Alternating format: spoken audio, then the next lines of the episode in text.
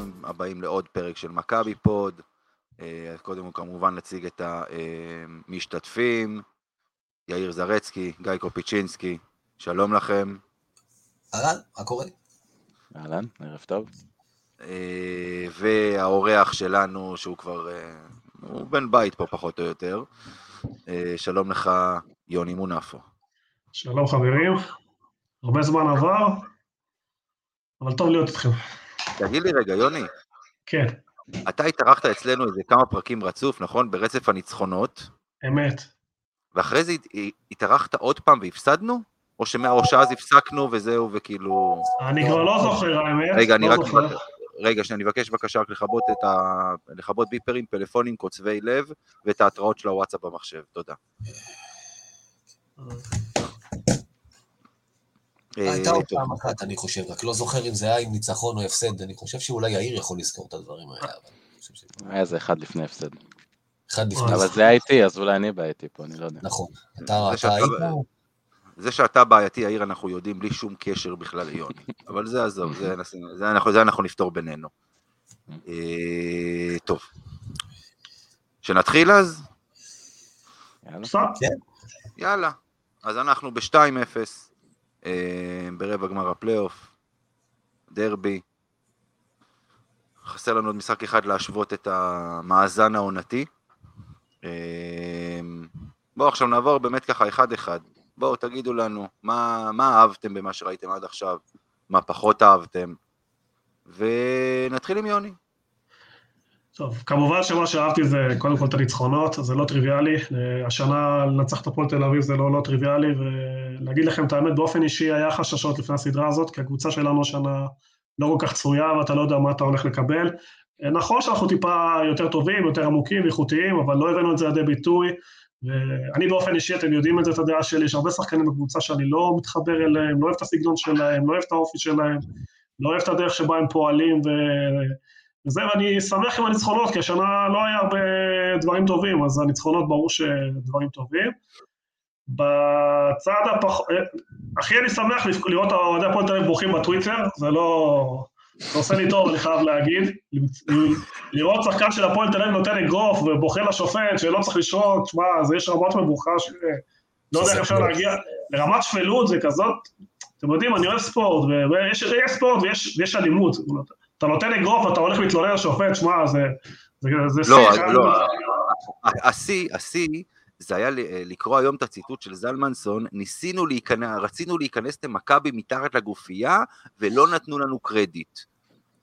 תשמע... אה, קודם כל, קודם כל, הם קיבלו את זה פעמיים במשחקי הליגה. כלומר, היה משחק אחד השני, אני חושב, שהם פשוט פוצצו אותך, והשחקנים כאילו התייאשו והורידו כאילו מורכות. תשמע, זה... זה רמה נמוכה מאוד, לתת אגרוף וללכת לבכות, או השטויות האלה של זלמנסון, צחק כדורסל, תהיה טוב, סגור ריבאונד. במקום לתת אגרופים שיסגרו לריבאונד, משחק ראשון לא סגרו אפילו כלום, לא שמו גוף, אתה מבין? במקום ללמד את האנשים לעשות כדורסל אמיתי, שים box, קח כדור, זה כדורסל, לא לתת אגרופים לאנשים, או להיכנס להם תחת לחולצה, או לא יודע, כמו פעם היו צובטים וסורטים. עזוב, זה לא, זה לא סגנון. בצד השלילי, אני, אתה יודע, עמי יש בינינו תמיד איזה סוג של ויכוח, אתה מאוד אופטימי, אני לא משכנע, הקבוצה לא משכנעת אותי, כלומר, אני לא רואה את מכבי פיבור, עדיין פיבוריטית לאליפות, לא העברנו איזשהו מסר שאנחנו מעל כולם ויותר טובים מכולם, תשמע, אני מרוצה מהניצחונות והכל טוב, אבל צריך לסייג את זה, שאני לא יודע מה אני הולך לקבל גם במשחק הבא, והקבוצה הזאת תמיד תמיד מדאיגה אותי, זה ההרגשה שלי בתור אוהד. אוקיי, יאיר. טוב, קודם כל אני מסכים עם uh, כמה דברים ש, שיוני אמר. Uh, כן, שזה כבר הישג. מסכימים. כן. קודם כל, uh, קודם כל הניצחונות, אין ספק, אנחנו בפלייאוף, ופה באמת כבר אין יותר מדי מה להתעסק באם הקבוצה טובה מספיק טובה פחות, אנחנו צריכים לאסוף ניצחונות כדי בסופו של דבר לקחת אליפות. אמ, אני מאוד אהבתי לראות בסדרה הזאת את אה, רומן סורקין, היה לנו הרבה מאוד חששות לפני הסדרה, מאז בעצם הפציעה של, אה, אה, של ז'יז'יץ'. אמ, ידענו שג'לן רנוד זה סוג של נעלם, במיוחד אחרי ששבועיים הוא לא שיחק, אבל רומן סורקין השתלט על עמדה מספר 5 במכבי בסדרה הזאת בצורה מדהימה בשני צידי המגרש, זה יופי של עבודה, אמ, מראה את עצמו בצד ההתקפי איפה שצריך אה, להיות אה, זמין לגארדים להוריד לו כדור, עושה עבודה מדהימה בריבאונד התקפה, אה, נותן גוף בהגנה, בהחלט מראה שיש, שיש עתיד בהקשר שלו. ו... וכן, עוד פעם, הצורה שבה הפועל נראית בסדרה הזאת, כיף לראות את זה אחרי מה שעברנו מהם בשלושה משחקים העונה, בטח לעומת איך שאנחנו נראים ברמה המנטלית. גיא.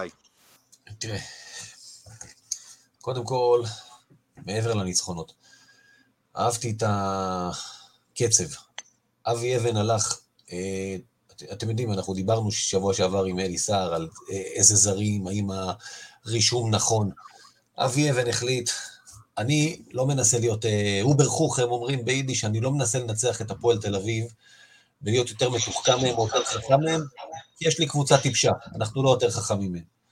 צריך להגיד, כישרון, אני הולך על הכישרון, הוא הלך עם השחקנים שטובים התקפית, ואמר, אני ארוץ, ואני אפיל אותם מהרגליים, ומכבי תל אביב העלתה את ה score, ב...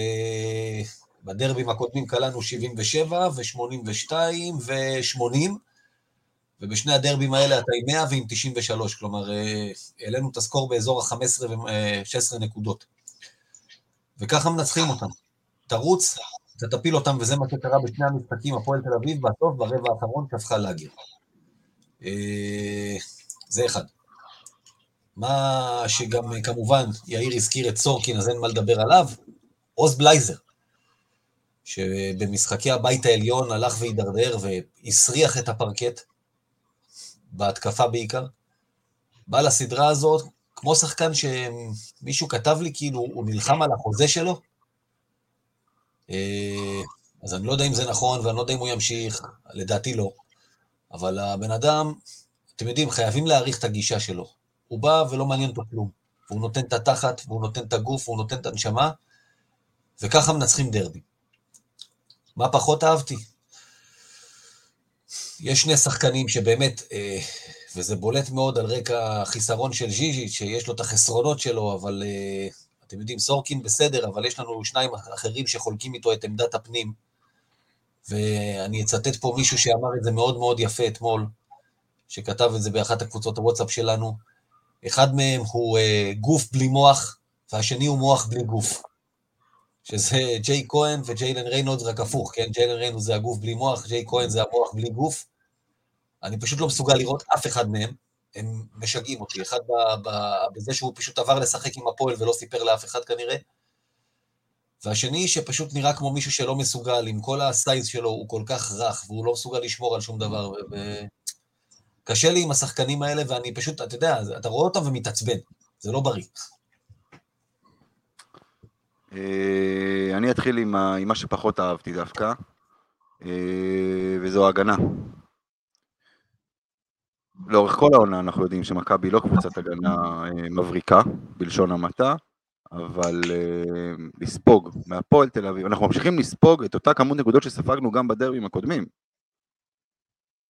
זאת אומרת... יותר.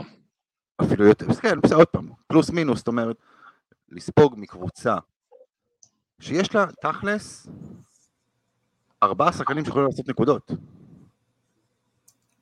ונגיד שהיא גם לא קבוצת כליאה אה, גדולה מבחוץ, ממש לא. אתה רואה את האחוזים שלה משלוש, שמונה מ-24 למשל, משחק אחרון, לא משהו לכתוב עליו הביתה, זה לא שהיא באיזה יום שהיא מתפוצצת עליך, כמו חולון בזמנו שניצחה אותנו בבית העליון. וגם לעונשין הם לא הולכים הרבה. זאת אומרת, הצבע שלנו כנראה אה, סוג של טיילת. או, ש, או, או, או אני לא יודע איך להגדיר את זה פשוט, אבל לספוג מהפועל תל אביב, כשעוד אתמול גם באמצע הרבע השלישי זה היה? רבע שלישי, רבע, מתי, מתי אה, אה, יאנג נפצע? יאנג, בטח כן. ברבע השלישי. סופית הוא יצא ברבע השלישית, כן. השלישית. בפעם השביעית, בדיוק. זאת אומרת, גם בלי יאנג, אה, ברבע הרביעי, לא בטוח, לא בטוח שזה יספיק בהמשך. לא מדבר על משחק מספר 3, מדבר על קבוצה, אגב, גם נגד ירושלים, אני, אם נהיה נגדה אה, בגמר, אם נגיע לשם, אני אהיה רגוע. חולון. חולון זה משהו ש, שאם, אה, עוד פעם, אם מגיעה, וחולון יכולים לפגוש רק בגמר הרי, אם מגיעים נגדה לגמר, אנחנו בבעיה. זה מהבחינה הזו. אני אקח את התפקיד של יאיר רגע. גם הלכת רחוק. אנחנו נהיה מודאגים גם מהרצליה בחצי גמר, אנחנו... כן. אה, הרצליה- לא- לא- ככה לא הולך להיות. הרצליה פחות מטרידה אותי,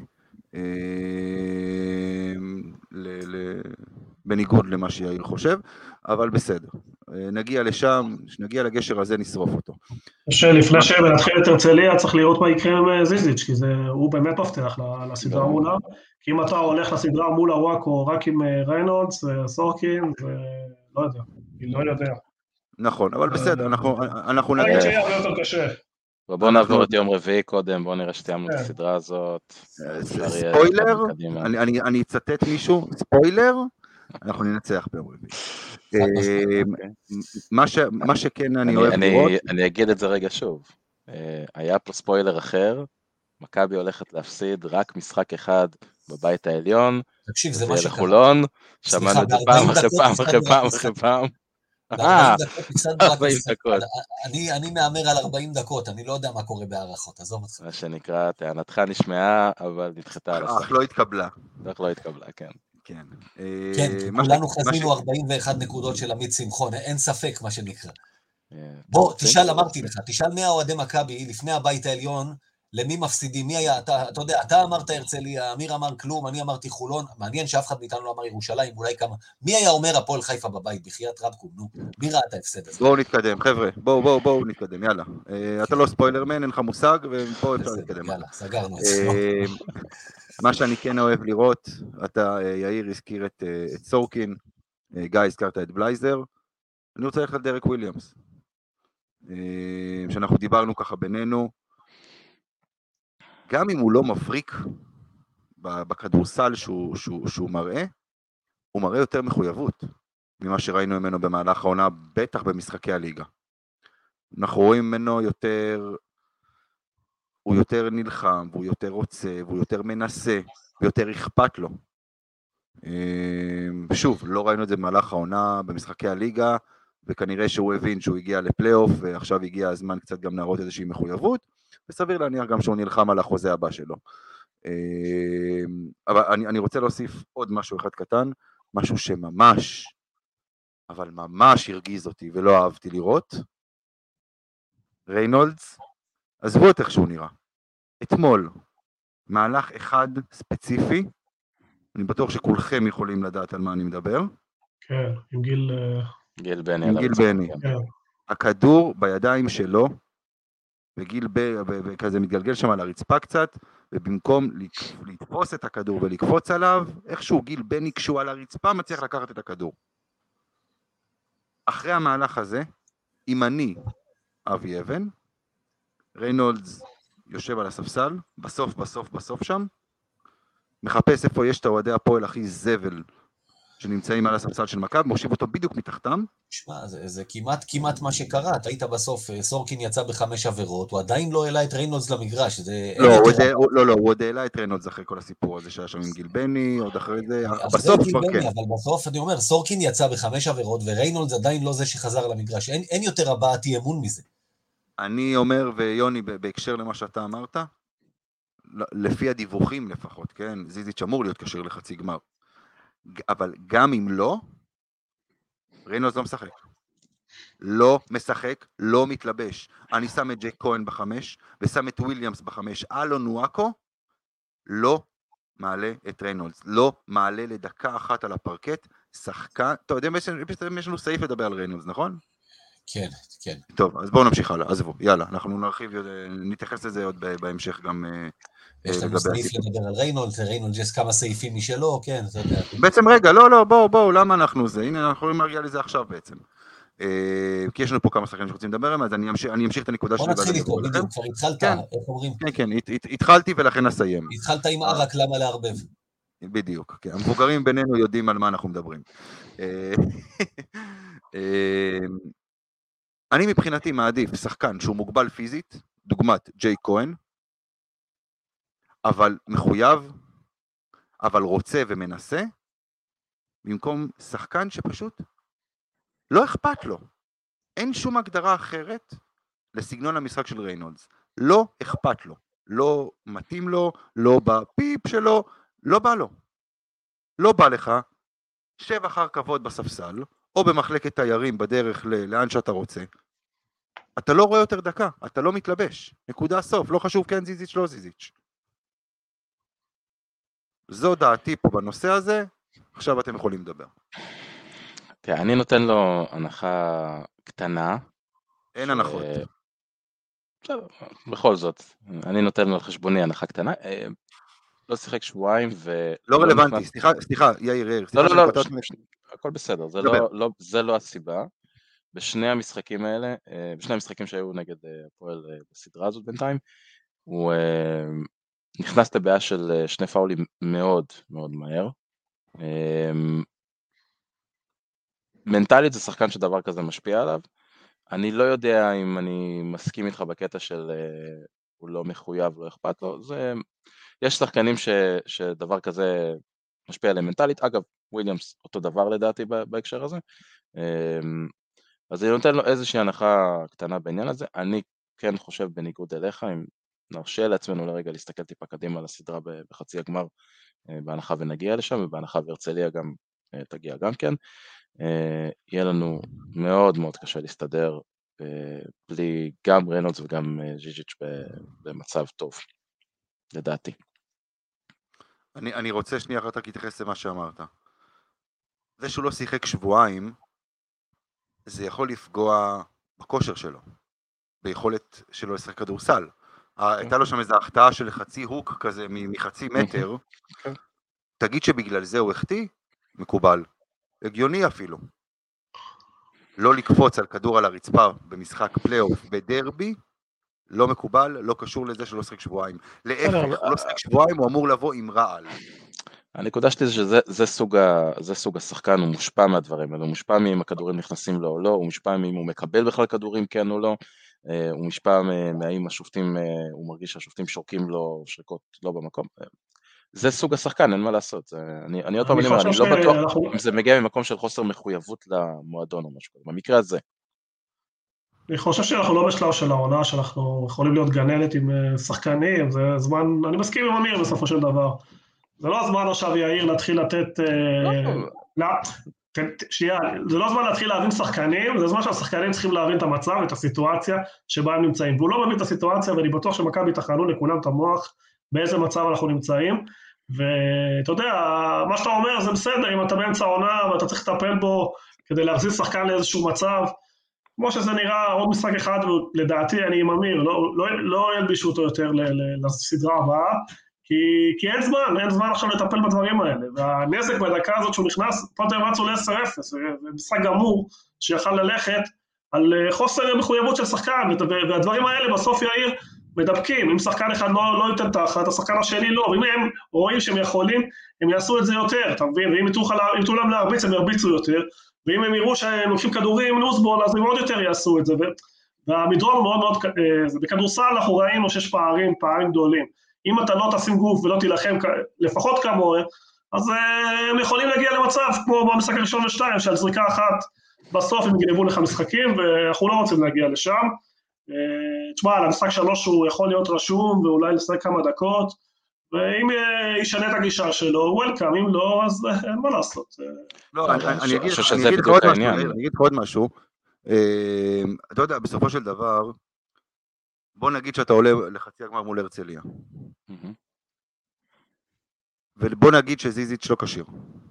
אני מעדיף נגד הרצליה לרשום את קלויארו למשל, שאולי יכול לעזור במשחק הפנים, או תומאס, אגב, שיכול לעזור בהגנה למשל על באב, מאשר את ריינולדס, שהוא לא שומר, הוא לא נלחם, הוא לא שווה דקת משחק בסדר, העונה הזו. כן, מה רצית להגיד? בסדר, אני, אני, בוא נעזוב רגע את הרצליה בצד, עוד נגיע, אני מניח שיהיה לנו uh, זמן uh, לדבר על זה, להתייחס לזה, אני, אני רק אומר, אני, קודם כל, אני, אני מסכים עם מה, ש, מה שיוני אמר, אנחנו לא בשלב עכשיו לטפל בו ולהתרכז ול, uh, עכשיו כקבוצה, כמועדון, ולנסות להכניס אותו לעניינים. אני חושב אבן טיפל בזה בצורה טובה, שיחק שש דקות אתמול, um, זה כמות מאוד מאוד קטנה בשביל מישהו שאמור היה להיות הסנטר המוביל שלנו בסדרה הזאת. אני, אני רק, רק בא ואומר, אני לא חושב שמה שהוא עשה היה, שמה שהוא היה, שהוא עשה היה בסדר, אני רק בא ואומר, כאילו אני לא בהכרח שם את זה על מקום של חוסר מחויבות, אלא פשוט אה, בן אדם שלא נכנס לסדרה, לא נכנס טוב, לא מוצא את עצמו כל כך, וככה זה נראה, ואני חושב שבסך הכל אבי אבן עושה את העבודה בסדר מבחינת כמות הדקות שהוא, אה, שהוא נותן לו, ומתי הוא בוחר להעלות אותו למגרש, אה, ומתי הוא בוחר לא להעלות אותו, כמו שגיא אמר. גיא. אני אגיד ככה, תראה, קודם כל אה, אה, צריך לזכור שג'יילן ריינולדס, גם במשחקים של הבית העליון, למעט הרצליה שרשמו אותו ואת ג'יז'יץ' ביחד, למיטב זיכרוני לא נרשם לאף אחד מהמשחקים. אה, לדעתי הוא כבר לא תוכנן להירשם יותר העונה. אני אעריך בזהירות שלא היינו רואים אותו משחק אם לא הפציעה של אנטה במשחק מול הפועל חיפה. עזוב, עזוב תיאוריות, דבר בפועל, מה קורה עם זיזיץ'? וזה בדיוק העניין, אבי אבן כבר קיבל החלטה לגביו. בלית ברירה ובצדק, אתה יודע, אני שמעתי תיאוריות שדיברו על לרשום את ג'יג'יץ' בכל מקרה לסדרה הזאת מול הפועל, כי אולי הוא יחזור למשחק השלישי, ואמרתי, אין לנו שום לוקסוס לוותר על זר אחד בסדרה של הטוב מחמישה, בשני, שאתה יודע ששני משחקים ראשונים הוא בוודאות לא משחק. תראה, במקרה ננלי וזה, ראינו את הסיפור עם יאניס, וראינו שאבי אבן קיבל אותו מאוד מאוד שונה. ריינולדס, אתה ראית שני מאמנים שכל אחד מהם בתורו כבר התייאש ממנו. אז אה, אבל, אני כן, אה, בניגוד למה שאמרת, בהנחה וז'יז'יץ' לא חוזר, והיריבה תהיה הרצליה, כי היום היא ניצחה 2-0, היא לא תפסיד את הסדרה. אה, לא יודע, כמו שאומרים, אני לא מרגיש בטוח ללכת למלחמה שם, רק עם ג'יי כהן שלא מסוגל לא לשמור ולא לעשות שם סל. וסורקין ששוב, עדיין, אנחנו לא נראה ממנו יציבות כזאת שאני יודע שהוא גם יכול לתת משני צידי המגרש את, את ההופעה שהוא נתן אתמול. אה, זה הסגל, עם זה אתה צריך לנצח. כמו שאמרת, לחנך כבר מאוחר, אבל עדיין ג'יילן ריינולדס זה שחקן שגם, אם הברגים מתחברים, ביום נתון הוא עדיין איזשהו יתרון התקפי. להגיד לך שאני כבר מראש אגיד אני מוותר עליו ועולה בלי, בלי שום סנטר רציני לסדרה של, מול קבוצה שיש לה סנטר מעולה, בוא נגיד ככה, אני פשוט מקווה ממש שזיזיץ' יהיה כשיר, כי אחרת אני, אני פוחד מהמחשבה, שתי אלטרנטיבות, ריינולדס בפנים, או בלי ריינולדס לא טובות לי. אתה יודע, יאניס ספרופולוס הלך כבר בחצי גמר גביע מול הפועל, הוא אמר, אני אלך, איך אמרת, על אלה שמחויבים ובלי הכישרון, וזה יתפוצץ לו בפנים, אז זה, אה, זה לא תמיד הפתרון. אה, חוץ מזה אני רוצה להגיד משהו, יש לו עוד משחק ביום שלישי, ברביעי, סליחה, ואתה יודע, חמישי. ובסוף, כן. ספורט הוא דבר דינמי, ואם הוא ייתן משחק טוב, אם הוא ייתן משחק טוב, אז uh, יכול להיות שיהיה לו איזשהו סוג של, אתה יודע, איזשהו בוא נגיד יהיה אפשר לחשוב אם לשתף אותו מול הרצליה, כמובן בגלל שזה, אבל, אבל הוא חייב לעשות שינוי והוא לא יקבל הרבה דקות, ואם הוא לא ישתנה בגישה, אז חבל לכולם על הזמן, הוא, לא יירשם, הוא לא יירשם. כמו שאמיר אמר, אני לא יודע אם גישה משתנה מיום ראשון ליום רביעי ברמה כזאת. אפשר לעשות שיחה עם שחקן, אבל אתה יודע, אני מניח ששיחות כבר עשו איתו השנה, כאילו, קשה לי להאמין שאף אחד לא דיבר איתו על כלום השנה בינתיים, וזהו. בסוף, גיא, זה, זה הקריירה שלו, וזה שלו, ואתה יודע, כמו שלא האמנו שוויליאמס פתאום יבוא וייתן אה, שתי משחקים אה, טובים, יציבים בליגה, אז אה, בסוף זה הוא, זה, זה הפסד שלנו, אבל גם שלו, אתה יודע. ברור, ברור, תראה, עוד פעם, אה, עובדתית הייתה תקופה בביין מינכן, למשל, שטרינקיירי הוציא ממנו יותר מהמקסימום, היה אחד כן, הסנטרים. אבל בסוף הוא גם הוא התייאש ממנו, ובסוף שנה בקושי נתן לו לשחק, אתה יודע. נכון, נכון. אה, יש שם איזה משהו שמפריע לו להישאר יציב גם לא רק לאורך קריירה, אלא לאורך עונה שלמה. אה, תכף אנחנו ניגע בדרק וויליאמס, אתה דיברת גם עליו, גם איתו זה סיפור. אנשים נוטים לחשוב שהיכולות המנטליות וה... זה משהו נפרד, אבל זה חלק מהשחקן, זה חלק מאוד מאוד חשוב. אנחנו ראינו שחקנים בינוניים עושים קריירה מדהימה, וראינו שחקנים כישרוניים מאוד, שזורקים הכל לפח. זה חלק אינטגרלי מה, מה, מהיכולות ה, ה, שמגדירות שחקן בסוף, ואתה לא יכול להתעלם מזה, זה לא משהו שהוא נפרד. כאילו, מנסים לתת איזשהו פטור, יש לו משהו בראש, שזה בסדר, זה לא, זה לא בסדר, בסוף זה פוגע בקבוצה, ו... אה, זה, זה גם, אה, כן, אתה אומר, נוטים להתייחס לזה, כאילו בניגוד ליכולות שסתם, קלויארו, אנחנו יודעים שהוא נגר, והוא לא יהפוך מחר למייקל ג'ורדן. לשחקן שיש לו את היכולות, שאנחנו כל הזמן מדברים על דה רק וויז, אתה כאילו מחכה שמחר הוא יגיד, טוב, עכשיו ברצינות, והראש שלו יתיישר. אבל אה, זה, זה גם לא, לא משהו שתמיד קורה, כמו שאתה אומר. השנים חולפות, השנים חולפות ו... בדיוק. ו... כנראה שזה לא שמחר בבוקר הוא יקום ויחליט, יאללה, סידרתי את הראש מספיק. זה לא תמיד קורה, או ברוב המקרים זה לא קורה. טוב, בואו, דיברנו על uh, ריינולדס יותר דקות ממה שהוא שיחק בשני המשחקים ביחד. נראה לי מיצינו. Uh, בואו נעבור מסנטר כושל לסנטר מצליח, ובואו נדבר על uh, רומן סורקין. סורקין, uh, אני אתחיל, כולכם דיברתם עליו, אני חושב שהדבר שאני הכי מחכה לו כרגע זה לשמוע על, על חידוש חוזה. כולם מדברים על אופציה, שמה אופציה. אני הייתי רוצה לראות שמכבי עושה סוף סוף איזשהו מהלך ומחתימה שחקן אה, לכמה שנים קדימה, כלומר, בסדר, יחדשו את האופציה ועוד שנה ועוד פעם התנהגות כאלה של גרושניקית, נעבור עוד שנה ואז נחשוב, אני חושב שהוא הוכיח אה, ברוב העונה, ברוב העונה אה, שהוא יכול לתרום גם בליגה, גם באירופה. הוא נראה מדהים, הוא עשה קפיצת מדרגה בסדרה הזאת, גם בהגנה, גם בהתקפה. אני חושב שהוא היה השחקן הכי טוב במגרש אתמול כל המשחק, לאורך כל המשחק הוא היה השחקן הכי יציב, הכי דומיננטי. בסדר, עשה פה ושם איזושהי טעות בעבירה בסוף וזה, אבל בסדר גמור, סך הכל התרומה שלו הייתה ענקית, אני לא בטוח שהיינו מנצחים בבלעדיו.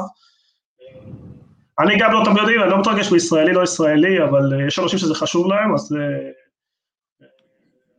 אה, תשמעו, לפחות פעם אחת אין לנו ביקורת, אין לנו ישראלים וזה, תראו, זה לא שזה כזה אכפת לי, אבל יש כאלה שזה ממש חשוב להם, אז, אז זו עוד נקודה לזכותו.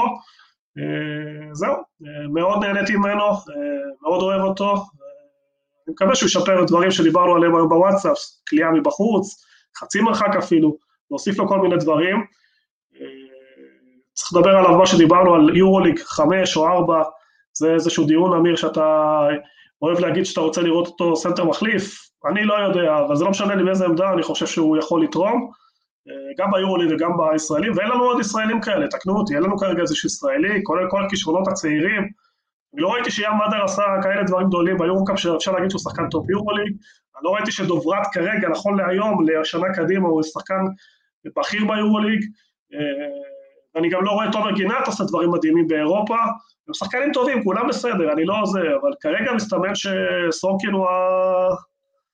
יאיר, אתה צוחק, אה? לא, זה ויכוח ביני לבין יאיר על תומר. כן, אני מסתכל כרגע על היכולת שלו בשלבים המתקדמים של המפעל, והוא לא היה, הוא לא הבריק. כאילו, הוא לא... לא עשה דברים... בסדר, על תומר גינת אנחנו עוד נדבר. נדבר, יש לנו את כל הקיץ בשביל זה. אה, בסופו של דבר, אני מוביל למסקנה שכנראה סורקיק כרגע הוא הישראלי הכי בכיר והכי טוב, אה, הכי מתאים ליורוליג. אה, כמובן אני מוציא דני ודברים כאלה שב-NBA וכאלה, מדבר על שחקנים נגישים, ומכבי צריכה לעשות סוף סוף מהלך כמו שצריך ולהחתים שחקן כזה לטווח ארוך. לא אני אגיד על סורקין שמבחינתי הוא אחד, מאז אולי יניב גרין, אני חושב שכסנטר ישראלי לא היה אחד כזה. והוא הרבה יותר אה, מגוון מיניב גרין, תקנו אותי אם אני טועה. ברור.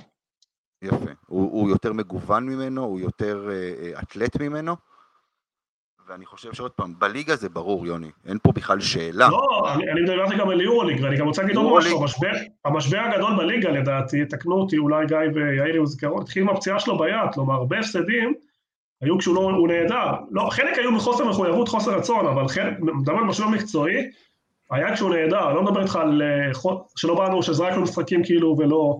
מדבר איתך על משחקים שהפסדנו כי היינו פחות טובים. אה, ברוב המשחקים האלה הוא לא היה. אני דיברתי על זה לפני העונה, הסגל הישראלי שלנו לליגה לא מספיק עמוק. הקבוצה נבנתה לליגה לא מספיק עמוקה, וברגע שנפצע לך ישראלי בכיר בליגה, זה דבר ראשון פוגע בך, חד משמעית. אני, עוד פעם, לגבי, לגבי היורוליג וסורקין, אני חושב שהוא אמור, אמור לקבל הרבה יותר דקות בעונה הבאה.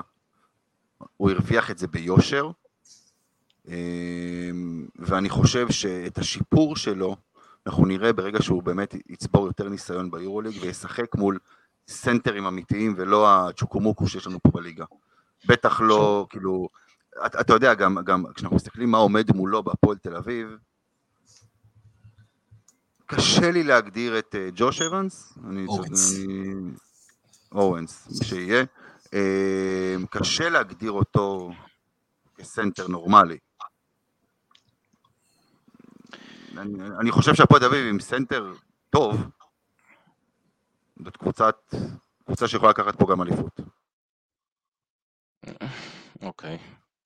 לא יודע, נראה לי קצת הגזמת, אבל אה, אין ספק שמה שקורה בסדרה נגד הפועל תל אביב, אנחנו לא צריכים להסיק מזה שום מסקנה לגבי אה, מה יהיה שנה הבאה ביורוליג, אה, וזה גם נכון לגבי העמדה של סורקין. אני אומר, אני, אני, אני מודה, אני לא משוכנע בכלל האם רומן סורקין צריך להיות סנטר או צריך להיות בעמדה מספר 4.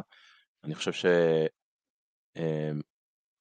אני באופן אישי מסתכל על העמדות האלה קודם כל, בטח ביורוליג, כשחקנים שצריכים לתת משהו בהגנה קודם כל.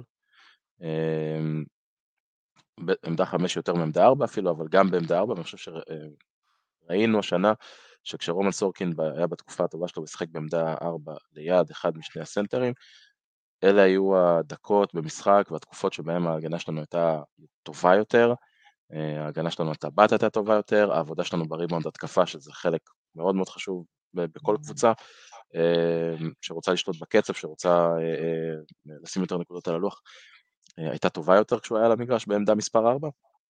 אני לחלוטין לא משוכנע שהעובדה שבליגה הוא עושה מה שהוא רוצה בעמדה 5, תורם למכבי תל אביב בטווח ארוך לאיפה שרומן סורקין צריך להגיע, אבל אני אומר, אני באמת לא, לא, לא משוכנע בזה. אני כן רוצה להסתכל על כל הסיפור של רומן סורקין בסדרה הזאת מכיוון אחר לגמרי. אני חושב שגיא הזכיר את זה, היה פה אליסר שבוע שעבר ואמר שהפציעה של זיזיץ' אמנם אף אחד לא רצה אותו במכבי, בטח לא כמו שהיא קרתה, וזה איכשהו סידר למכבי את המצ'אפ. אה, אני לא חושב שזה עזר לנו איפשהו בהגנה, אבל זה הפך את המשחק של מכבי בהתקפה להיות משחק אחר. אה, כולנו יודעים שהמשחק של מכבי איפשהו באזור הדקה 12-13 הופך להיות אה, אלתורים וכל אחד עושה פחות או יותר מה שהוא רוצה, אין יותר סטים, כל מי שעם הכדור עושה בגדול מה, ש, מה שנראה לו נכון באותו רגע. וסורקין בשונה מז'יז'יץ', בשונה מרנולדס, הוא לא שחקן שחונה בתוך הצבע ומחפש לקבל את הכדור אה, מתחת לסל ולחפור. הוא שחקן שמשחק בחוץ, ופתאום המשחק של מכבי הרבה יותר פתוח. פתאום לגארדים יש אפשרות לחדור פנימה ואין מי שיביא עזרה כי השחקנים בחוץ יותר. אה, פתאום הרבה יותר קל לקבל מבטים פנויים לשלוש, כשמישהו חודר הוא מכווץ פנימה את כל ההגנה. זה פתאום נראה משחק אחר לחלוטין, ואנחנו מקבלים הרבה הרבה יותר מבטים טובים וזריקות טובות, שזה גם תורם לעובדה שאנחנו קולים, קולים יותר בסדרה הזאת. ואני מסתכל על זה ואומר, מה זה אומר, זה לא דיון שצריך לעשות אותו עכשיו מן הסתם, אבל מה זה אומר לגבי איך אנחנו צריכים לבנות את הקבוצה שנה הבאה בעמדות, בעמדה חמש. האם אפילו שחקן אחד מבין רנו או ז'יז'יץ' להשאיר אה, אה, בסגל עונה הבאה כסנטר מוביל, האם זה בכלל נכון לנו? או שאולי בכלל עדיף ללכת לקונספט כזה שבו הסנטרים הם, הם שחקנים שמשחקים מעל הטבעות, שומרים על הטבעת בצד של ההגנה, מוכנים ללובים ולאליופים בצד, בצד של ההתקפה, מתגלגלים הרבה יותר טוב, ניידים הרבה יותר. אולי זה בכלל הכיוון שאנחנו אמורים ללכת אליו, איפה שכל היורוליג הולך, ואנחנו איפה שנשארנו מאחורה. מסכים איתך לחלוטין, ואני גם יכול להגיד לך באותה משפט שכל עוד ניקולה וויצ'יץ' במכבי, ז'יז'יץ' ירצה להישאר, אין שום סיכוי שהוא ילך לשום מקום. לא, יש סיכוי שהוא ילך, יש סיכוי שהוא ילך, שהוא יקבל הצעה יותר טובה, בוא. לא אמרתי, כל עוד הוא רוצה אה. להישאר. יכול להיות שאתה צודק, אמ, אבל בוא נגיד את זה ככה, אם לא יהיה לנו לפחות, ואני אני, אני עם יוני בדעה ששונה מזאת של אמיר, אני לא חושב שסורקין הוא מספיק טוב להיות סנטר מחליף ביורוליג, אני לא חושב שאפשר ללכת עם קו קדמי שבו החמש המחליף זה סורקין וזה מה יש, סורקין ועוד סנטר מוביל, נגיד שזה ז'יז'יץ' לצורך העניין, לא חושב שזה מספיק טוב. אמ, אבל... אני חושב, אני, יאיר, למרות שאנחנו מסכימים, אני חושב שהבעיה היא ז'יז'יץ' ולא סורקין, כלומר, לא, אני מסכים עם כל מה שאמרת, והניתוח שלך הוא נכון, אבל אני חושב שאנחנו צריכים לשנות את המדיניות בכלל ב... לא, לא, אני, שוב, אני, רוב הסנטרים הטובים ביורוליג הם רצים מצד לצד ורק, אתה יודע, עושים מורליו פה, חוסמים כמו שאמרת, ו... אני, לגמרי, אני לגמרי מסכים איתך, אני חושב שאם במכבי תל אביב השנה היה שחקן כמו דונטה הול ממונקו, הקבוצה הייתה נראית אחרת לגמרי, בהתקפה ובהגנה, אה, ובואו נראה מה יעשו עם זה בקיץ. וזה לא לקח כלום מזיז'יץ', אני חושב שזיז'יץ' שחקן מדהים, אבל הוא לא מתאים לסגנון שהיום הכדורסל הולך, לא באירופה ולא ב-NBA, זה, זה סגנון מיושן קצת, ו... יכול להיות. ש... אה? יכול להיות, ו- יכול להיות, וזאת אחרי עונה מדהימה שלו, טובה שלדעתי, שלו, הוא טוב. לדעתי. שדדו אותו בזה שפפאיאניס קיבל חמישייה שנייה ביורוליג ולא, לדעתי זה שוד. אבל אה, בסדר, בוא נראה. טוב, אה, אז מסורקין אנחנו עכשיו נעבור לדבר על, אה, על עוז בלייזר. רגע, משפט אחד על סורקין אני אקח בכל זאת. כן, לא, אמרתם את הכל. שוב, אז מה יש לך עוד להגיד? רק דבר אחד, כבר אמרנו, אתה יודע, אני דיברתי על זה בינינו, אבל אני אגיד את זה גם אה, בפודקאסט. אנחנו נוטים יותר מדי, כי זה קורה לנו כל שנה, מכבי מסיימת מוקדם מדי את היורוליג, אנחנו נשארים עם הליגה, ואז בדרך כלל לוקחים את האליפות, ואנשים פתאום אה, נוטים לזכור את הסוף ולחשוב שאיך שקינן אבנס משחק נגד הקו האחורי של אה, הפועל תל אביב או גלבוע גליל כאלה, זה אינדיקציה לאיזה יורוליג, סתם דוגמה, ומזה מסיקים אם להשאיר אותו או לא. אז צריך להיות אה, זהירים לגבי סורקין, שיאיר הזכיר את זה. מה שעושים מול זלמנסון ואורנס, זה לא אה, מול טווארס, וזה לא אה, גם מול יבוסלה לצורך העניין, אם אנחנו ניקח אותו לעמדה 4. אני חושב שסורקין עכשיו זה גיל שהוא חייב, כי הוא עוד לא החליט, מה שנקרא, אם הוא 4 או 5, ביחד עם אנשי מקצוע. צריך לכוון אותו לאחת העמדות האלה וללכת עליה, ואז אם הוא, אם הוא מחליט שהוא 4, לעבוד חזק על הניידות ועל הכלייה מבחוץ. ואם הוא מחליט שהוא חמש, אז אתה יודע, גם להתחזק, ו... זאת אומרת, יש מה לעשות, אבל, אבל הוא חייב לתפוס כיוון. ויוני, תראה, אתה אומר, לי לא אכפת ישראלי. כל עוד אנחנו משחקים בשתי מסגרות עם חוקים שונים, זה העניין. אני לא מסתכל על תעודת זהות, זה לא שאני, אני לא גזען שאני אומר את הזרים לא, אני רוצה ישראלים, זה לא עובד מהכיוון הזה. זה עובד מהכיוון שאני צריך שלא יהיה לי פה מכבי א' וב', כי זה פוגע בנו. אז אני רוצה לראות שחקנים ישראלים טובים, כי זה אומר שהם יכולים לשחק בשתי המסגרות, וכמה שיש לך יותר ישראלים טובים, אז אתה לא צריך עכשיו, אתה עדיף לך לבנות קבוצה עם סתם שישה זרים טובים, ולא שמונה, וכל פעם להושיב שלושה בחוץ כרגע, שזה פוגע לך בשטף. זה, לזה, זה מה שמעניין אותי בזה שהוא ישראלי. אם הוא ייכנס לרוטציה, ה, לרוטציה הקבועה ביורוליג, אתה מרוויח אותו בשתי המסגרות האלה, נקודה. זה היה משפט ארוך, גיא. טוב, כן. אה, בואו נעבור לדבר על עוז בלייזר. אה, עוז התחיל את העונה הזו טוב בליגה. אה, אפילו גם קיבל, גם קיבל הזדמנויות, קצת הזדמנויות ביורוליג. אה, ואז הייתה אצלו ירידה משמעותית ביכולת, והוא הגיע לפלייאוף. הגיע לפלייאוף, עושה, עושה כמה מהלכים חשובים, גם במשחק אתמול, גם במשחק הראשון, אבל בעיקר, בעיקר, מראה שהוא רוצה. הוא, אה, מה שנקרא, הוא, הוא עושה את הפעולות השחורות יותר, אם זה פה חטיפה ופה ריבאונד, התקפה ופה, וממש, אם, אם לפני הפלייאוף הזה, ועכשיו אני מתחבר למשפט האחרון שלך, המאוד ארוך, גיא, אה, שאם לפני הפלייאוף חשבתי שעוז בלייזר סיים את דרכו במכבי, פתאום מסתכלים עליו ואומרים, תשמע, אולי אם אין מחליף ישראלי ראוי, אולי כן צריך להשאיר אותו.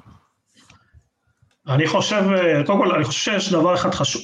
היכולת שלו לשבת שנה שלמה על הספסל, לא לשחק ביורוליג ולעלות בכזאת אנרגיה ומחויבות לקבוצה, זה לא דבר טריוויאלי שאי אפשר לזלזל בו. כלומר, הרצון שלו והמחויבות שלו והקבוצתיות שלו, אלה דברים שבסוף עושים את הקבוצה לקבוצה טובה.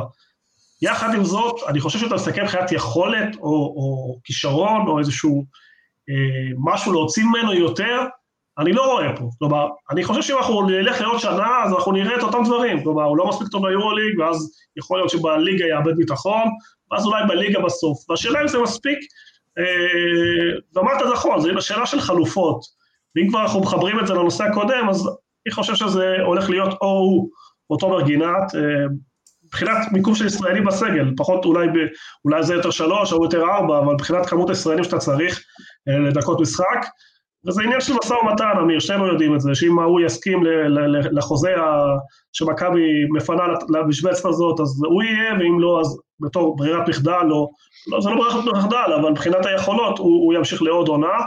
אה, אז אני כן מעריך את מה שהוא נותן, האם זה מספיק טוב? אני לא יודע, הוא כאילו מבחינתי, אני לא רואה אותו איזשהו יתרון גדול על אה, מנקו, או על אה, אדם אריאל, אופי, או... אופי. לא? לא, הגזמת, הלכת רחוק, מה? יוני. אד- אדם אריאל מה, הוא, אדם הרי יכול לגמור לך משחק בכמה זרקות מבחוץ, יש לי דברים אחרים לתת, מה, מה, לא מזלזל באף אחד, כאילו. שמע, הוא אני- לא- אני- הוא- בינוני והוא בינוני, זה לא ש... לא, לא אבל, לא. אבל אני אגיד לך מה, אבל זה עניין של אופי. אופי. עוז בלייזר יש לו את האופי. עוז בלייזר, אתה יודע מה? אין לו את היכולת, בשביל להיות שחקן מכבי אולי, ליורוליג אגב, לליגה הוא בסדר גמור, את האופי, כן. באופי הוא מכביסט. עוז גם ניצח לנו חצי גמר גדול שנה שעברה מול חולון, ויש לו, דברים, כלומר הוא ניצח אותו ביכולת, ב-18 נקודות כמעט הוא לא החמיץ. אה, ושוב, זה לא דבר טריוויאלי. אבל אם את אתה בוחן את זה להערכה ל- לבדו כמעט, כן. אה? הביא אז את מכבי להערכה לבדו כמעט. כן, כן, כן, אבל, אבל אם אתה מסתכל, ושוב, זה לא דבר טריוויאלי, כי שוכחים אותו לאיזה חודש, חודשיים, ואז פתאום הוא צריך לבוא ולתת, אבל הכלייה שלו לא יציבה, והתרומה שלו לא, לא יציבה מספיק. שוב, צריך להסתכל על הכל, ולא רק על הסדרה הזאת שהוא כרגע טוב, וגם שהוא טוב, הוא בעיקר, כמו שאמרת, הוא בלחימה, לא באיזה יכולת כדורסל uh, uh, משובחת, וגם אין, אין, אין גרף התקדמות, זה מה שלי מפריע, כי אתה לא אומר, טוב, אולי שנה הבאה ייתן יותר, אבל זו שנה שנייה שלו, ואין פה איזשהו שיפור, איזו קצת מדרגה, או איזושהי תקווה לאיזשהו ישראלי מוביל. אה, שוב, אה, זה הכל יהיה בסוף יהיה משא ומתן, לדעתי מכבי תחפש חלופה אחרת, אם לא ילך, אז אה, יאריכו לו חוזה. יאיר. תראו, אה, קודם כל אני, אני מסכים עוד פעם עם מה, ש, מה שיוני אמר לגבי מה שאנחנו מקבלים ממנו ולגבי... מה, מה, מה זה, קרה זה מה? שיש. מה, מה לעשות, הבן אדם אומר דברים נכונים, מה אתה רוצה? אה, זה, זה השחקן, זה מה שיש, אני לגמרי מסכים. מצד שני, וכמו שיוני אמר, אי אפשר לזלזל בעובדה שזה בן אדם שבקושי שיחק דקות העונה ביורוליג, ובהרבה מאוד משחקים שבהם היינו צריכים ישראלים שהתעלו כי הזרים לא היו שם, הוא היה, היה שם, אוקיי? אה, בעיקר, כמו שאמרת, אמיר, בתחילת הליגה. אה, אבל בואו בוא רגע נשים את הדברים על השולחן, אין לו חוזה לעונה הבאה, ואני לא בטוח בכלל שאחרי עונה כזאת, או אחרי שתי עונות במכבי, הוא יהיה מעוניין להיות השחקן מספר 13 בסגל. כי אני חושב שלכולנו ברור שאם בונים קבוצה על העונה הבאה, אה, לא באמת אמור להיות אחד מה-12 שחקנים, אנחנו רוצים שתהיה לנו קבוצה טובה, גם אם אנחנו לוקחים בחשבון ישראלים. ביורוליג אה, אתה מדבר. כמובן, כן, שחקן 13 כן. בסגל, מן הסתם בליגה הוא ישחק, כי בסוף אתה צריך לרשום חמישה זרים ויהיה לנו יותר מחמישה זרים. אה, אם הוא, אם הוא מוכן לסיטואציה כזאת שבה הוא שחקן 13 ואם מישהו נפצע, הוא נכנס לסגל ביורוליג ואולי משחק, אולי בכלל לא, אני לא חושב שיש אופציה, אני לא חושב שלמכבי יש אופציה טובה יותר. אוקיי, הוא כבר במערכת, הוא כבר מכיר את, המועדון, את, אה, את הדרישות, אה, אבל השאלה אם הוא ירצה, אני לא, לא בטוח בכלל בנושא הזה. גיא. תראה, עוז כבר בן 29. כמו שאמרתם, הוא כבר לא אה, יהפוך עכשיו ליקפוץ אה, שתי מדרגות למעלה. המחויבות שלו זה נהדר. אה, אבל גם הוא מבחינתו, אין שום סיכוי ש... אתה יודע, הוא רצה לשחק גם ביורוליג, ומתישהו אבי אבן לקראת סוף העונה גם קיבע אותו בתור זה שתמיד, אם כולם בריאים, לא יושב בסגל. זה, מבחינת להמשיך, גם הוא לא, לדעתי, לא ירצה. כי יש לו היום אה, חלופות, למשל ירושלים וחולון, שישחקו את ה... לא פעמיים בשבוע, כי בליגת האלופות הזאת לא משחקים כל שבוע, אבל שם הוא ימצא מקום וישחק גם באירופה. אז בעניין הזה אין שאלה. אני, אני לא חושב שהוא ירצה להישאר במכבי. להעריך את הגישה שלו כבר אמרנו כל השנה, שאתה יודע, מה, הוא תמיד יבוא, ולא משנה מה יקרה. גם במשחקים, אגב, שהוא פחות טוב, כי זה קורה. והוא, בבית העליון הוא רוב הזמן, כמו שאמרתי, היה גרוע. אבל הוא תמיד ינסה, תמיד ייתן את המאה אחוז. אה, אי אפשר לבקש ממנו יותר. אה, זה אנחנו, אתה יודע, כמכבי צריכים להגיד מי טוב לנו מספיק ומי לא, זה ברור, אתה יודע, הסגל הישראלי שלך מראש, יפתח זיו וג'ון די ובלייזר, זה מה יהיה על המדף, מה מכבי תוכל להביא, ואם יהיה לה משהו יותר טוב ביד, מאוד פשוט. אוקיי. מבלייזר אנחנו עוברים למי שאני הזכרתי, אה, לחיוב משני המשחקים הראשונים, דרק וויליאמס. אני אמרתי את שלי לגביו, תורכם. אני חייב להגיד שאתמול היה פעם ראשונה מזה הרבה הרבה מאוד זמן שבאמת לא היה לי משהו רע להגיד עליו, וזה בעיניי חתיכת הישג, כי זה באמת שחקן שכבר הביא לי את הסעיף אה, ברמה, ברמת הגישה, ברמת המחויבות, בעיקר במשחקי ליגה. הפער בין הפוטנציאל ומה שהוא יכול לעשות בליגה פה לבין מה שקיבלנו ממנו בפועל היה כל כך גדול. ואותי זה מעצבן לראות אה, אנשים כאלה שמה שנקרא, נתנו, נתנו להם אגוזים, אבל אה, אתה יודע, אין להם שיניים. אין שיניים. אה, משחק, במשחק הראשון הייתה שם מחויבות, עדיין עשה המון טעויות, בעיקר בהגנה קבוצתית, אבל לפחות נתן גוף על טוקוטו, עצר אותו כמה פעמים בפוסט, במשחק אה, חצי מרחק של טוקוטו, שזה חשוב, כי זה נדבך מאוד מאוד אה, חשוב במשחק של, של הפועל. אה, אתמול משחק אה, מאוד אה, אחראי, מינימום שטויות, עיבודי כדור מטופשים, אה, יחסית למ- למכבי של אתמול כליאה טובה מבחוץ. אה, באמת, הלוואי וימשיך ככה עד, אה, סיום העונה, כמה שהיא תתארך. יוני? אני חושב שבסדרה הזאת הוא מגלה יכולת טובה. אה, זה רק שני משחקים, אבל אה, גילה סוג של יציבות. אה, אני באופן אישי ממש לא מחובר אליו, לא, לא אוהב את הסגנון הזה, לא אוהב את השחקנים האלה, אני מעדיף שחקנים יציבים שאתה יודע מה אתה הולך לקבל מהם, ולא לונה פארק פעם למעלה, פעם למטה. צריך לנסות להוציא ממנו מה שאפשר, אני מאוד מקווה שהוא לא ימשיך לשנה הבאה, אה, שימשיך להפתיע אותנו לטובה, אבל אה, מבחינתי, הוא ונאנלי זה שתי שחקנים שאני ממש לא, אין לי שום הערכה אליהם, כלומר, אה, זה לא שחקנים שהייתי רוצה לראות בקבוצות שלי, בקבוצה שאני אוהד, זה לא עניין של פוטנציאל, זה עניין של, אה, גם מבחינת יכולות פיזיות, כלומר, היציב...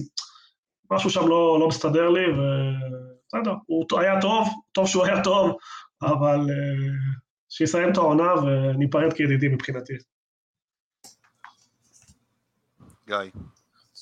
תראה, אה, שוב פעם, קשה לאכול את השחקן הזה, כי כבר דיברנו, יכולות, אתה יודע שיש לו, ואתה לא יודע מה תקבל ממנו ביום נתון, חוסר היציבות הזה יכול לשגע.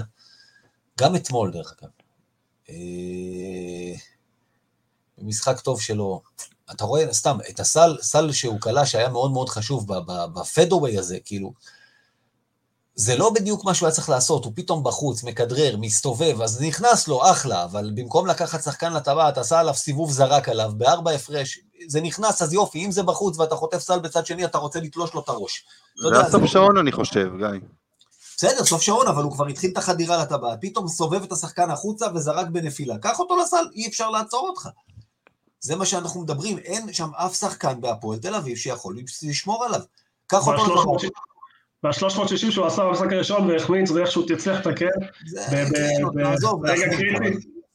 לא, אני לך, כאילו... אתה לוקח איתך את השחקן, ואיתו נכנס עם הכדור לתוך הטבעת, זה מה שאתה צריך לעשות, עושה לי פיידאווי כזה, אתה משתגע מהדברים האלה, זאת אומרת, עזוב, איך אומרים, הוא בן 31 כבר, אה, כבר, כבר לא יגדל שם מוח. איך אומרים, אה, אתה לא תקבל ממנו יציבות לאורך עונה, אתה לא תקבל ממנו משחק הגנה, וכבר יאיר דיבר על זה, על הבנת משחק מאוד נמוכה, אתה לא תקבל ממנו, עוד פעם, אחלה מול הפועל תל אביב שאין לה מה למכור מולו, יופי שזה נראה טוב, החלטה נכונה של אבי אבן בדיעבד ללכת איתו ולא עם קלויארו. אנחנו רוצים קבוצה ליורוליג, הוא לא צריך להיות שם בעונה הבאה. טוב, שחקן אחרון, אי אפשר uh, להתעלם ממנו. Uh, סקוטי. סקוטי חזר. חזר לראות אדום ו- וחזר uh, להתפוצץ. חזר? אה, אתה, אתה משוכנע בזה? הוא לא נעלם לנו עוד פעם במשחק 2? כי אתמול היה לו אחוזים מחרידים. כן. אבל בחצי הראשון. בכלל, בכלל. אתם יודעים כמה סלי שדה, כמה סלי 2 הוא קלע אתמול? אבל שוב, אבל הכל, אבל זה נגזרת של החצי הראשון. בחצי השני הוא היה הרבה יותר טוב. ברבע השלישי. היה לו כמה הרבע- דקות שם ברבע השלישי שהוא קלע הר- הרבע השלישי זה-. לא, רגע, תק... רק אה, תקן אותי אם אני טועה, הרבע השלישי הוא לא, זה לא בחצי השני? אני- אני, מדייק אותך, זה לא כל החצי השני, כי ברבע הרביעי הוא לא פגע, אוקיי? הוא לא פגע. הוא לא עשה נזק כמו שהיה בדרבי חוץ שם בליגה, שהוא לא ראה אף אחד ממטר ופשוט אה, חמש דקות אחרונות לא נתן לאף אחד לזרוק. אה, אבל הוא היה, הוא היה לא טוב אתמול בהתקפה, הוא היה מעולה במשחק הראשון. אין ספק שרואים שהוא אה, עשה את השינוי המנטלי בין ה- הליגה לפלייאוף. אה, שמענו אותו גם בריאיון אה, בסוף המשחק הראשון, אבל אה, יחד עם כל זה, צריך לדבר פה על מה שקורה איתו בהגנה, כי זה חתיכת שערורייה. אה, אתה מסתכל על, על, על מי נותנים לו לשמור בהפועל תל אביב. בר תימור, רז אדם, גיל בני, הוא הופך כל אחד מהם להיראות כמו סופרסטאר. זה, זה פשוט בדיחה, כל ההגנה שלנו מרוכזת בג'ייקובן בראון, בג'יימס יאנג, בטוקוטו, ובסוף הוא נרדם ומשאיר את בני לשלושות חופשיות, ברטימור הולך לסל, הוא, הוא לא, לא, לא עושה שום, שום עבירה כדי לעצור אותו, רז אדם חותך עליו לסל בלי סוף, זה, זה... אם לא הניצחונות, אנחנו לחלוטין חותכים אותו פה על העניין הזה. וזה שחקן שיודע לשמור, אנחנו ראינו את העונה שומר על גארדים ביורוליג חזקים, ונותן עבודה. והוא פשוט, נראה, זה נראה מהצד שהוא הגיע לסדרה הזאת והחליט, אני בסדרה הזאת מתרכז בצד ההתקפי, שאחרים ישמרו. ואני, אני, סורי, עוד פעם, נסתכל טיפה קדימה, זה לא משהו ש... שאפשר יהיה לחיות איתו. גיא. תראה, קודם כל בהתקפה הוא, הוא נותן מבחינה מספרים את uh, מה שאנחנו צריכים ויותר מזה. Uh, אבל uh, טוב, יאיר דיבר על ההגנה, יש לי בעיה עם הקבוצה הזאת, שזה שוב, אנחנו מדברים יורו ליג ועונה הבאה, מול הפועל זה יספיק, ואתה יודע מה, בליגה זה יספיק גם שהוא שומר ככה אם הוא ייתן את התפוקה ההתקפית, בטח של המשחק הראשון, אבל אה, גם במשחק השני אתה מקבל חמישה שחקנים ב double figures והוא ייתן 18-20, אתה תהיה בסדר ברוב המשחקים, כי אתה תקלע יותר. אה, שוב, כשאנחנו רוצים יורוליג, אנחנו, תמיד יש אבל, על כל שחקן של הקבוצה שלנו, אז אתה יודע, ז'יז'יץ', איך אמרת, המצטיין שלך עונה מבחינת יכולת, אבל יש את האבל הענק על הטיפול שלו ב pick roll. סקוטי אנחנו מדברים, יש לו את הפערים האלה, המנטליים במהלך העונה, שלפעמים הוא נראה מאוד מפוקס, ולפעמים הוא נראה כאילו הוא לא איתנו, ונראה שנמאס לו, ולפעמים הוא משקיע מאמץ אדיר בהגנה, ולפעמים הוא פשוט לא שם. ולפעמים הוא משתלט על הקבוצה בצורה שזה מזיק, ולפעמים הוא משתלט על הקבוצה בצורה שזה מועיל. אה, אתה יודע, מה אני אגיד לך? אני מת עליו, אני באמת, אני אוהב את השחקן הזה גם על החיבור שלו למכבי ולישראל ולהכול, אבל אה, אתה יודע, אנחנו, מכבי חייבת לקבל החלטה, להביא רכז כמו שצריך, מנוסה, מנהיג, מוביל כדור, שידע להכיל אותו כמו שצריך, או לנסות אולי לבנות קבוצה קצת יותר מאוזנת. יוני? לא, אני מאוד אוהב את סקוטי, אבל uh, לדעתי אנחנו מגיעים לשלב של uh, מיצוי, מיצוי העניין, למרות באמת כל החיבור שלו לישראל, אני אשקר להגיד שזה לא מרגש אותי לראות את כל התמונות שדולפות, זה באמת נוגע בי, ואני תמיד אהבתי את סקוטי, ומאוד פרגנתי לו, אבל uh, אתמול היה שמונה, עשר נקודות, שהוא פשוט עזב את השחקנים שלו, הוא פשוט, הפועל תל אביב משחקים על זה, רצים עליו שהוא באיזשהו שלב הוא מתעייף, בדרך כלל זה קורה בסוף ההתקפות, שהוא כאילו, הוא פשוט עונה אימד וחוגגים עליו. הוא לא שערורייה כמו ננלי, אבל הוא עדיין, כי, כי יש דקות שהוא כן שומר אפילו בחילופים, הוא, יש לו את היכולת, משהו שם בראש. תשמע, הם גם משחקים עליו, הם גם בריצה עליו וגם בהגנה מפרקים אותו, וכל העניין הזה אולי טיפה שכוכב אחד גדול להוביל את כל המועדון, או מושיע אחד של הסופרמן, זה אולי טוב למרוויל, זה לא טוב לכדורסל וזה לא טוב לקבוצה, ואני חושב שהמועדון שם אותו במקום אה, גבוה מדי מעל כולם. אני יודע אישית גם שלא אהבו את זה חלק מהשחקנים, זה חלק מהמשבר שלו, יאניס. אני חושב שהוא צריך להיות עוד שחקן טוב בקבוצה טובה, ולא הסופרסטאר שצריך להציל את הכל. זה לא נכון עבורו, זה לא נכון עבור המועדון, זה לא נכון בכלל לכדורסל המודרני, גם היום אתה רואה אפס פילזן, יש שלושה כאלה, ואין שתיים לפחות כאלה, ולא אחד כזה שרק הוא מציל את כולם. אה, שוב, כואב לי לבקר אותו, אבל קשה לי כשאני רואה אתמול, אה, מטיילים עליו שוב ושוב בהגנה, במשחק של, שבסוף הלך לשש הפרש, שהוא עשר דקות, עשר נקודות נתן מתנה על... אה, זה גם סוג של חוסר מחויבות, או, או, או לא יודע, חוסר ריכוז, חוסר מחויבות, ואחר כך עובדים קשה כדי לתקן את זה. אה, יאיר דיבר על האחוזים שלו, גם אחוזים לשלוש ירדו אה, מאוד משמעותי. הוא לא השחקן שהיה לפני שנתיים של 43 אחוז, לדעתי הוא נע היום על סביבה 35, וזה לא מספיק לכמות הזריקות שהוא לוקח. אה, שוב, אוהב את סקוטי, מעריך את סקוטי, אבל גם אם ניקח אליפות, אני חושב שמכבי צריכה לחשוב מה היא עושה שם ולקבל החלטות קשות. ותאמין לי שהייתי צריך בשבילי זה כואב לי מאוד להגיד את הדברים האלה.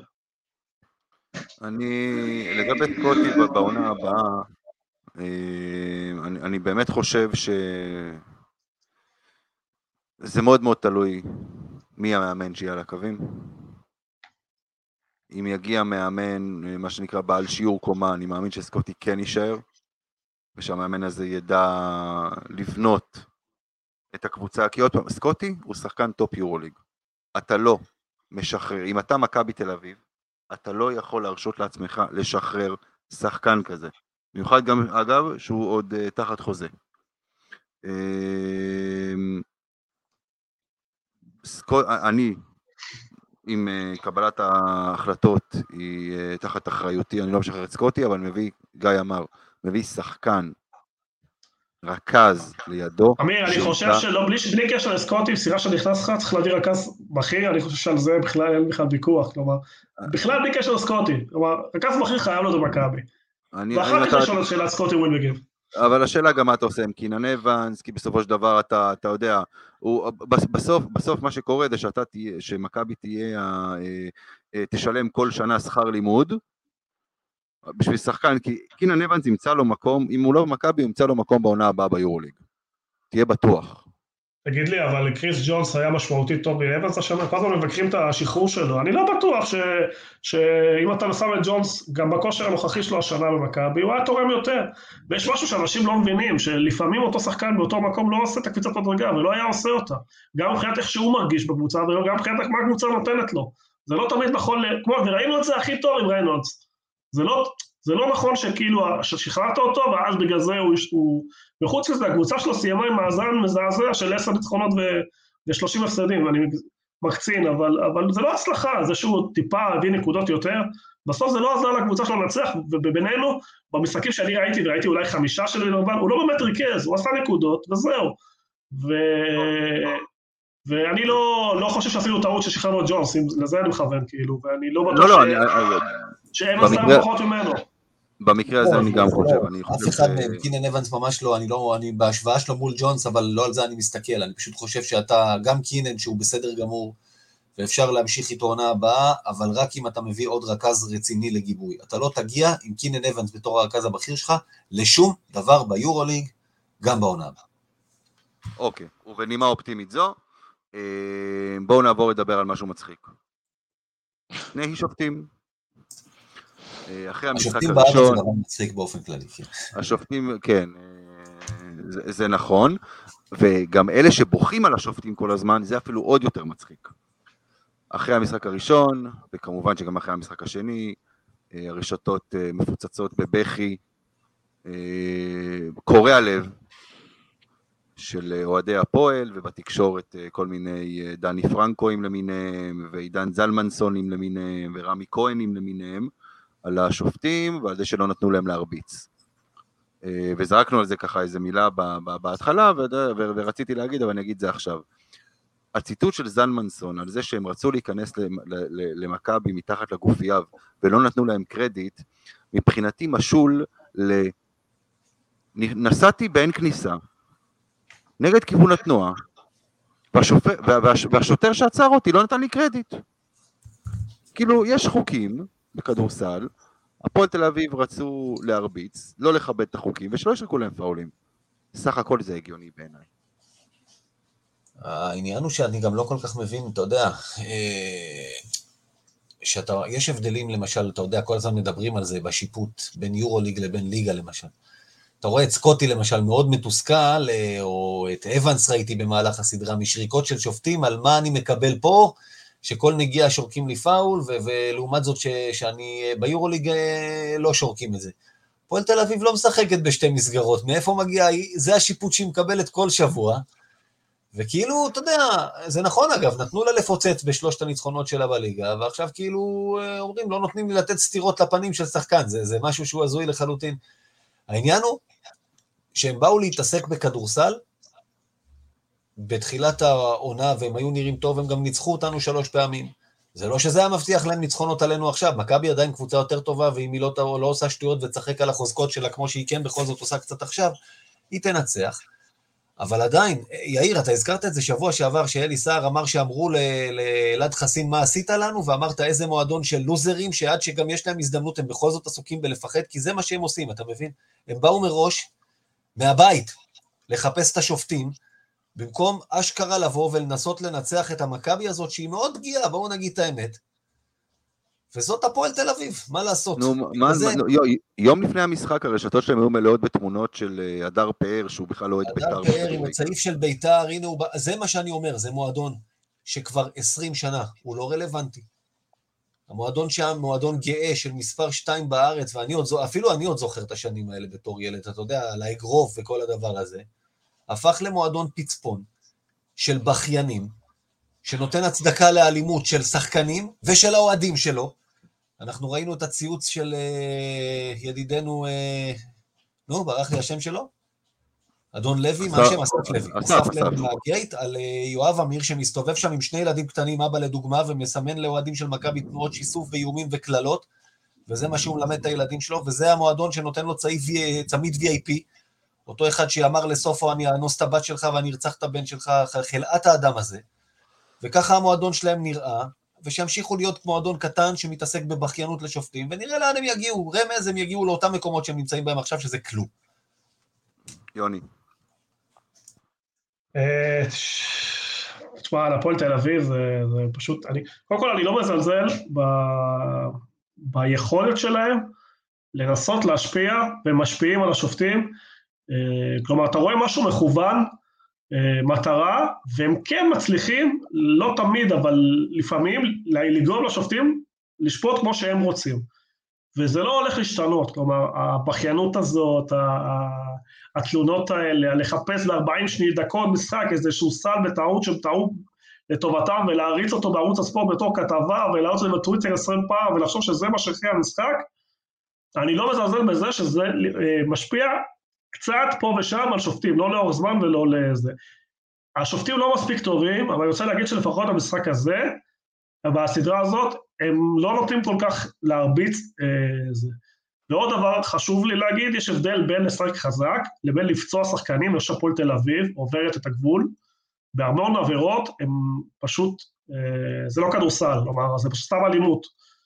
אה, זה שהם בכיינים, וזה שהם, זה מגעיל, זה לא ספורט בכלל, זה, זה, הם גוררים את זה לאיזשהו קרב רחוב דוחה, באמת שזה מגעיל אותי, אני, אני, אני למשחקים נגדם לא הולך בגלל כל האווירה מסביב. אה, הם מרוסים, אבל צריך לזכור, הם 30 שנה סובלים, 30 שנה מקבלים בראש, 30 שנה מתוסכלים. תחשבו שהיינו מפסידים את הסדרה לריאל 30 שנה רצוף, ככה הם מרגישים. אבל נגיד את האמת, ריאל היו יותר חזקים מאיתנו, יותר טובים מאיתנו, יותר עמוקים מאיתנו. פירקו אותנו, אבל פירקו אותנו בכדורסל, לא, ב, לא במכות ולא בשום דבר אחר, ואנחנו לא צריכים לבכות את השופטים, גם אם השופטים עשו טעות שתיים לטובת ריאל בכל משחק. זה טבעי, כי הם יותר חזקים, הם יותר טובים, וזה חלק מהמשחק, ומי שלא מבין את זה, לא מבין ספורט, זה הכל. יאיר. קודם כל, אני עצמו מאוד מצחיק, וכיף לראות את זה, יוצא טוב על הבוקר, זה רק אה, מוסיף על התחושה של הניצחון. אבל אה, בואו, בואו, אה, זה מיותר להתעסק עם השטויות האלה שלהם. יש טעויות שיפוט במשחקים של מכבי והפועל לשני הצדדים, אלה משחקים קשים לשיפוט תמיד, והשופטים בארץ הם לא כאלה טובים בלהחזיק משחק ולשלוט בו. אה, ובסוף, בוא נשים רגע את הדברים על השולחן. מכבי תל אביב באירופה, כשהיא משחקת נגד הקבוצות יותר גדולות, הריאל מדריד, הברצלונה, תמיד סובלת מזה שהקבוצות האחרות מקבלות, הכוכבים, מה שנקרא, של הקבוצות הגדולות, רוטיטים, האודי פרננדזים, מקבלים יותר כבוד מהשופטים, הם מקבלים יותר שריקות. למכבי תל אביב יש את השחקנים הכי טובים בליגה, נקודה. הם צריכים לקבל את הכבוד מהשופטים, שחק כמו סקוטי, שופטים צריכים קבוצה אלימה כמו הפועל תל אביב. אז עכשיו ישמע את זה אוהד הפועל תל אביב ויבוא ויגיד, אבל רגע, ג'ייקוב בן בראון, גם הוא כוכב. נכון, אז אני אבוא ואני אגיד שבמשחק הראשון ג'ייקוב בן הלך לסל, אגח ביפתח זיו, פאול וסל במקום עבירת תוקף. יש טעויות לשני הכיוונים ושומרים על הכוכבים של כל הקבוצות, פשוט במכבי יש יותר כוכבים, ולכן אנחנו מקבלים יותר שריקות, הרווחנו את זה ביושר על פני 50-60 שנה של דומיננטיות פה. אה, להתקדם. אוקיי, טוב, בואו נעבור להימורים. אה, יאיר. רגע, שנייה. לפני- ההימורים. אני יכול איזה... אה, סליחה, נכון, נכון, נכון, רצית, רצית, כן, כן. כן. אה, אז אני רוצה לתת פה רגע איזה דלב, דעה לא פופולרית אחת לגבי אה, מה שגיא אמר בתחילת הפודקאסט. אה, גיא הזכיר שאנחנו אה, משחקים בקצב מהיר יותר בשני משחקי הפלייאוף לעומת משחקי הליגה והגביע נגד הפועל. אז אני הלכתי ועשיתי מחקר קטן, כי זה מאוד עניין אותי לדעת באמת אם זה באמת היה המצב. שורה תחתונה עוד פעם, ניצחנו את המשחקים האלה, זה מה שבעיקר חשוב. אני לא חושב שזה היה בגלל ששיחקנו מהר יותר, אני חושב שזה בגלל ששיחקנו נכון ואחראי יותר, ועשינו עבודה יותר טובה בריבאונד, אתן לכם כמה נתונים לגבי, לגבי העניין הזה. אנחנו קולעים 16 נקודות יותר מאשר משחקי הליגה, אין לי את הגביע כי האיגוד לא נותן סטטיסטיקה יותר מדי מפורטת, אז אני מסתכל רק על משחקי הליגה פה. אנחנו אמנם קולעים 16 נקודות יותר בשני המשחקי פלייאוף לעומת משחקי הליגה, אבל האחוזים שלנו מהשדה, משתי נקודות ומהעונשין נמוכים יותר, יחד עם זאת כמות הזריקות שאנחנו זורקים הרבה הרבה יותר, uh, הרבה יותר גבוהה, כי אנחנו זורקים מהשדה 13 זריקות יותר למשחק ומהעונשין כמעט uh, אה, 11 וחצי זריקות יותר למשחק, uh, והסיבה לזה היא לא כי אנחנו משחקים מהר יותר, זאת אומרת, הדעה הפופולרית היא שאם משחקים מהר יותר גם מגיעים לזריקות יותר נוחות, האחוזים אמורים לעלות, האחוזים לא עולים, זה רק מראה שזה באמת לא עניין של קצב. מדדתי גם את כמות הפוזיישנים, אנחנו בסך הכל משחקים ארבעה פוזיישנים יותר למשחק ביחס למשחקי הליגה. איפה אנחנו, אז איך אנחנו כן מגיעים לכמות זריקות גבוהות יותר שמביאה אותנו לסיבוב יותר? אנחנו עושים עבודה הרבה הרבה יותר טובה בריבאונד, עם הריבאונד הגנה שלנו במשחקי ליגה, לקחנו 98% מהריבאונדים הסל שלנו, בפלייאוף עלה ל-8%. זאת אומרת ששמונה מכל עשר ההחטאות של הפועל תל אביב הופך להיות כדור שלנו במקום עוד ריבאונד שלהם ועוד זריקה שלהם, אוקיי? ועוד possession שלהם. בריבאונד התקפה אנחנו גם כן עושים עבודה הרבה יותר טובה, בעיקר במשחק הראשון, והנקודה אולי הכי קריטית זה הנושא של איבודים. היה לנו 20 איבודים בממוצע נגד אה, הפועל תל אביב במשחק קטע, ואנחנו הורדנו לעשר איבודים בממוצע במשחקים של הפלייאוף, אז עוד עשר כדורים שאנחנו מקבלים במקום לזרוק ליציע או לתת אותם לשחקנים של הפועל להתקפות מתפרצות, אנחנו מעיפים את זה לכיוון הטבעת, ובאחוזים שלנו אנחנו משיגים מזה יותר נקודות, לכן אנחנו אמנם לא משחקים יותר מהר בהכרח, זה לא מה שהיה בתחילת התקופה של אבי אבן, אבל אנחנו משחקים פשוט הרבה יותר אחראי, מתנהלים עם הכדור הרבה הרבה יותר טוב. ואלה נקודות שאנחנו חייבים לשמור עליהן, לא רק כדי לנצח את המשחק השלישי בסדרה הזאת, אלא באמת כדי אה, אה, להיות אה, פיבוריטים ולהיות בעמדה טובה לקחת עדיפות. אוקיי, אנחנו ננהל את הוויכוח הזה בהזדמנות אחרת. עכשיו תעדכן אותנו לגבי מה שקשור להימורים. טוב, אז היה לנו שבוע צמוד שבוע שעבר, היה לנו הרבה הימורים, אבל לא את כולם אנחנו יודעים עדיין את התוצאה. אז יודעים, התוצאה אז אנחנו בסטטוס. אה, גיא ימשיך להוביל בשתי נקודות, 66-64. אוקיי. יאללה, אז בואו נתקדם עם ההימורים שלנו לפרק הזה. אה, קודם כל, מי מנצחת ביום רביעי? מכבי. יוני? מכבי. יאיר? אמרתי מכבי. מכבי, יאללה, גם אני מכבי. אמ, הולכים על מצ'אפ. כן. הולכים על מצ'אפ בין סורקין לבין זלמנסון. זלמנסון. כן, נתן אתמול גם משחק טוב אם אני, אם אני זוכר כן, נכון. כן. זלמנסון נגד מכבי נהיה שקיל, אתה יודע, זה גם... אני כן, חייב להגיד לך שמעצבן אותי, מעצבן אותי לראות איך הוא מטריף כאילו את אוהדי הפועל, בואנה, גדלת אצלנו, יא חתיכת אפס, כאילו באמת, זה מרגיז אותי, אבל בסדר. אה, לא, אתה יודע, סורקין צריך להראות יציבות, אני חושב שזלמנסון ינצח אותו במצ'אפ, אבל זה לא יעזור להם. אני הולך על סורקין. סורקין גם. גם אני עם סורקין. אוקיי. ככה, נתון קטן. משחק מספר 1, מכבי עם 22 זריקות עונשין. משחק מספר 2, מכבי עם 34 זריקות עונשין. אנדר עובר 23 וחצי זריקות עונשין במשחק מספר 3. למכבי. אני הולך על עובר, לדעתי יבואו לפוצץ. אה, שאלה אם ישרקו או לא, אני מקווה שהשיפוט ימשיך באותה מגמה. לדעתי הם יבואו לפוצץ, זה יותר אה, זריקות עונשין. אני עם יוני, אובר. אני איתכם. גם אני. גם. אני. אוקיי. אמ, דיברנו על הסקור של מכבי במשחקים, בשני המשחקים הראשונים. אנדר עובר 93 וחצי נקודות למכבי במשחק הזה. אני על אובר. אני דווקא אלך על אנדר, לדעתי המשחק הזה יותר, אה, יותר, פחות כדורסל, יותר אה, סוג של אה, קרב רחוב.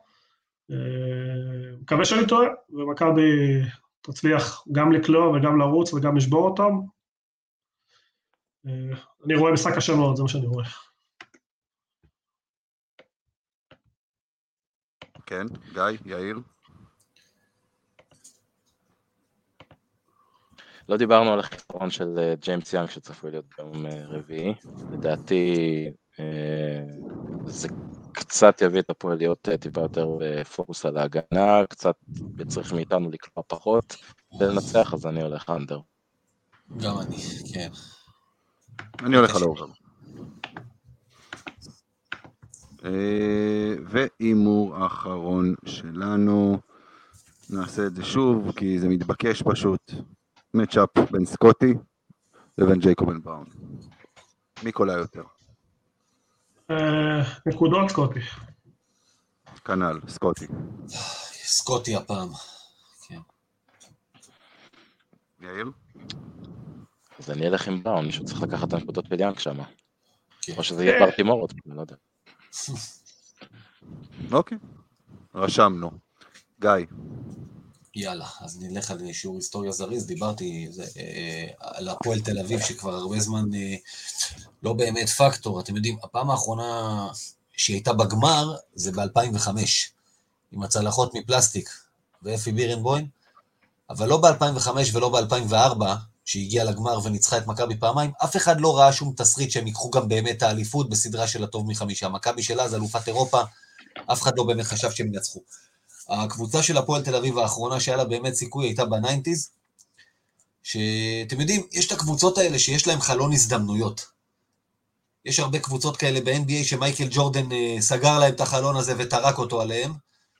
אה, אורלנדו של שקיל ופני, ויוטה של מלון וסטוקטון וכאלה. הפועל תל אביב, מ-91-2, אותו האגרוף המפורסם שלקחה את מכבי לחמישה משחקים, אחרי זה 92-3 סיימה ראשונת הליגה, וכמו הפועל הצליחה לדפוק את זה בגמר, אפילו שהזיזו לה את מכבי מהדרך, הפסידה לגליל. 93-4 כבר מכבי חזרה בכל הכוח לקחת אליפות, הפועל עשתה גמר, אבל חזרה שלו, חטפה 3-0. ואז נפרדה גם מאחד הזרים באמת הכי גדולים שהיו פה, ומאלה שלא שיחקו במכבי תל אביב. על מי אני מדבר? תרדקיל. על דיוויד תרדקיל, כן, בדיוק. אז ב-94-5 היא העמידה קבוצה עם שני זרים אחרים לחלוטין, מילטון וגנר, שהגיע מהפועל חולון, ומי היה השני? מי זוכר?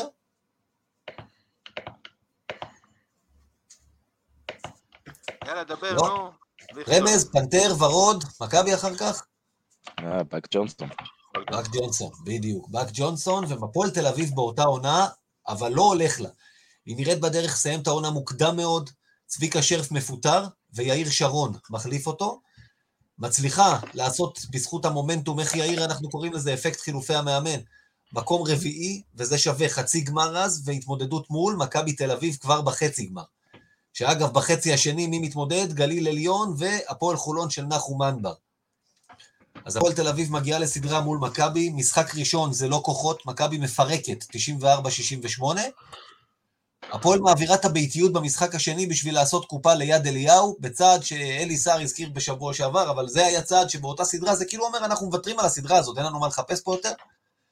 ועדיין הפועל תל אביב מגיעה שם ועושה, איך אמרת, באה לפוצץ, מתחיל קרב חפירות, וב-75-74, הילד, מאיר טפירו, שבאותה עונה כבר ניצח את מכבי תל אביב פעם אחת בליגה בקליעה עם הבאזר, מקבל לייאפ מתחת לסל להשוות את הסדרה, מחטיא אותו.